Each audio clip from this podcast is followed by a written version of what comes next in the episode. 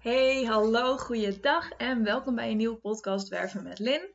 Vandaag gaan we het hebben over de vier tips voor de employer branding met betrekking tot de werving van nieuw en passend personeel. En ehm, in deze podcast gaan we dus hebben over de social media, we gaan het hebben over de website, uh, vacatures en de, de, de manier waarop en, en hoe je het het beste kan doen en noem maar op. Dus ehm, ik uh, ga hem uh, kort houden en gewoon heel concreet en met meteen wat stappen die je ook kan aanpakken. Want de reden dat ik deze podcast opneem is omdat ik merk dat er nog heel veel kansen zijn blijven liggen voor um, het, het, het, werven van personeel. Dus mensen die, die of ondernemers die, die schrijven een vacature en die denken van nou oké, okay, uh, vacature is geschreven, staat online, staat op LinkedIn bijvoorbeeld. En um, dat is wel prima zo. En dan komt het vanzelf wel. Of we plaatsen wat in het lokale suffertje. Of uh, nou ja, op zich allemaal prima en niet fout natuurlijk. Waar ik alleen graag uh, mee aan de slag ga met mijn klanten, is de simpele stappen die je kan nemen om toch iets meer bereik hierin te creëren. En een van de grote en nou ja, laagdrempeligste in mijn ogen is echt wel die employer branding. Dus laten we gewoon mee aan de gang gaan. Um, tip 1 is echt volledig met betrekking tot social media. Dus je kan hierbij denken aan Instagram, aan Facebook, TikTok, YouTube, Twitter, LinkedIn. Nou, wat heb je nog meer? Um, dit is waar ik een beetje mee bekend ben. Maar voor sommigen uh, werkt bijvoorbeeld Pinterest goed. Uh, je hebt Reddit, geloof ik. Nou ja, dat, dat is niet helemaal mijn ding. Maar op die manier, je hebt wel gewoon verschillende kanalen die veel gebruikt worden in jouw doelgroep. Met betrekking tot kandidaten dan die je zoekt. En um, het is dus zaak dat je gaat kijken van wat is voor jou een interessant medium om te gebruiken. Want voor niet voor iedereen is YouTube interessant. En uh, sommige kan TikTok wel gestolen worden, wat ik snap. Maar voor anderen kan het bijvoorbeeld wel weer super relevant zijn. En het is dus echt even zaak om te kijken. Nou ja, ik heb er al eerder een podcast over opgenomen. Van waar bevindt jouw doelgroep? Dus de ideale kandidaat. En uh, hoe actief ben je daarop? En dan is het dus daarnaast ook zaak wel om te gaan kijken um, op welke manier ben je daar actief op. Elk platform heeft zijn eigen uh, ding, zeg maar. Dus waar Instagram veel meer op beeld zit. Uh, LinkedIn is er echt wel een combi van beeld en tekst, maar ook wel veel op tekst. Twitter uh, is veel meer gericht op externe links delen. En weet ik veel, TikTok dus heel erg op korte filmpjes. En op elk medium post je dus over verschillende dingen.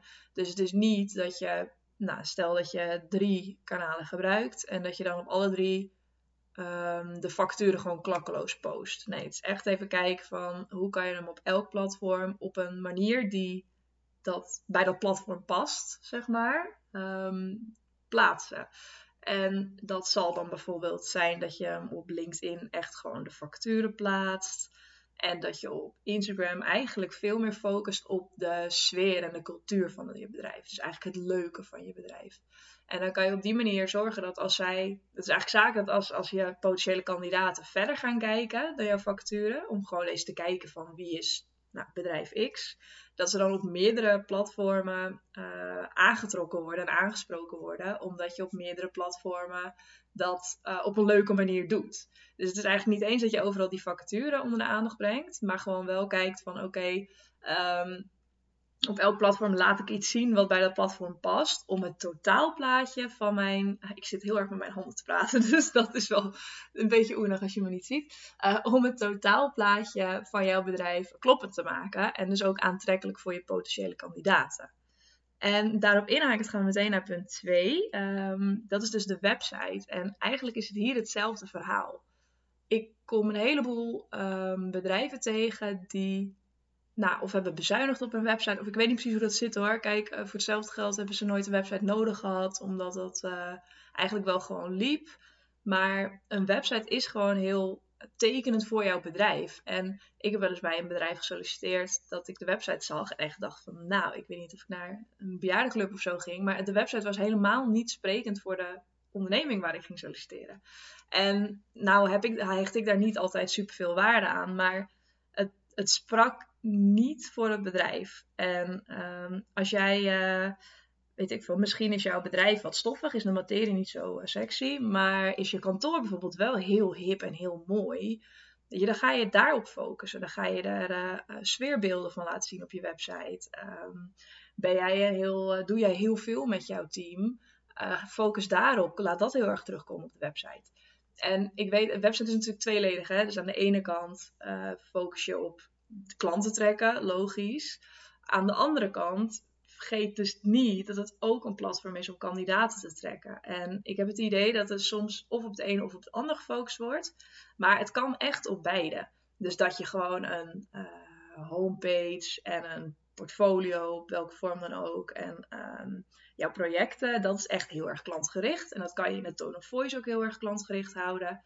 Maar je mag best onderscheid maken in je werken bij pagina of, of over ons en dan meer met, met werken bij, zeg maar. Dus niet per se over je projecten, maar wel echt over je bedrijf en de medewerkers. En hoe leuk het bij jou is om te werken. Wat voor unieke dingen je kan doen. Ehm, hoe hecht het team is. Dat zijn allemaal dingen die je gewoon graag op je website wil laten zien. Op het gedeelte dat uh, voor de sollicitant aanspreekt. En ook dat mag echt wel weer geschreven worden in de tone of voice van jouw potentiële sollicitant. Want als dat allemaal in de. Als jij jong, vlot personeel zoekt en alles staat in de U en een vrij oudbollige uh, vorm. Dan zullen ze zich niet zo snel aangesproken voelen, omdat dat niet aansluit bij hoe zij zijn. Dus ook je website, het gedeelte wat voor potentiële kandidaten interessant is, mag echt wel ingericht zijn op hun eigenlijk.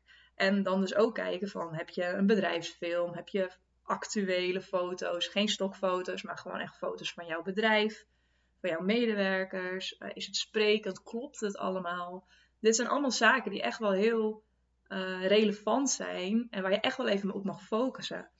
En als je dat doet, dan kan je natuurlijk ook kijken meteen dat je een stukje SEO meeneemt. De Search Engine Optimization. Eh. Lekker Engels. Uh, dus dat je echt kijkt dat jouw website eigenlijk meteen Google-vriendelijk wordt, om het zo even te zeggen. Dus dat zijn allemaal dingen die je mee mag nemen um, om jouw algehele employer branding beter te maken. En tip 3, uh, eh, dan gaan we dus eigenlijk een stukje verder naar de facturen.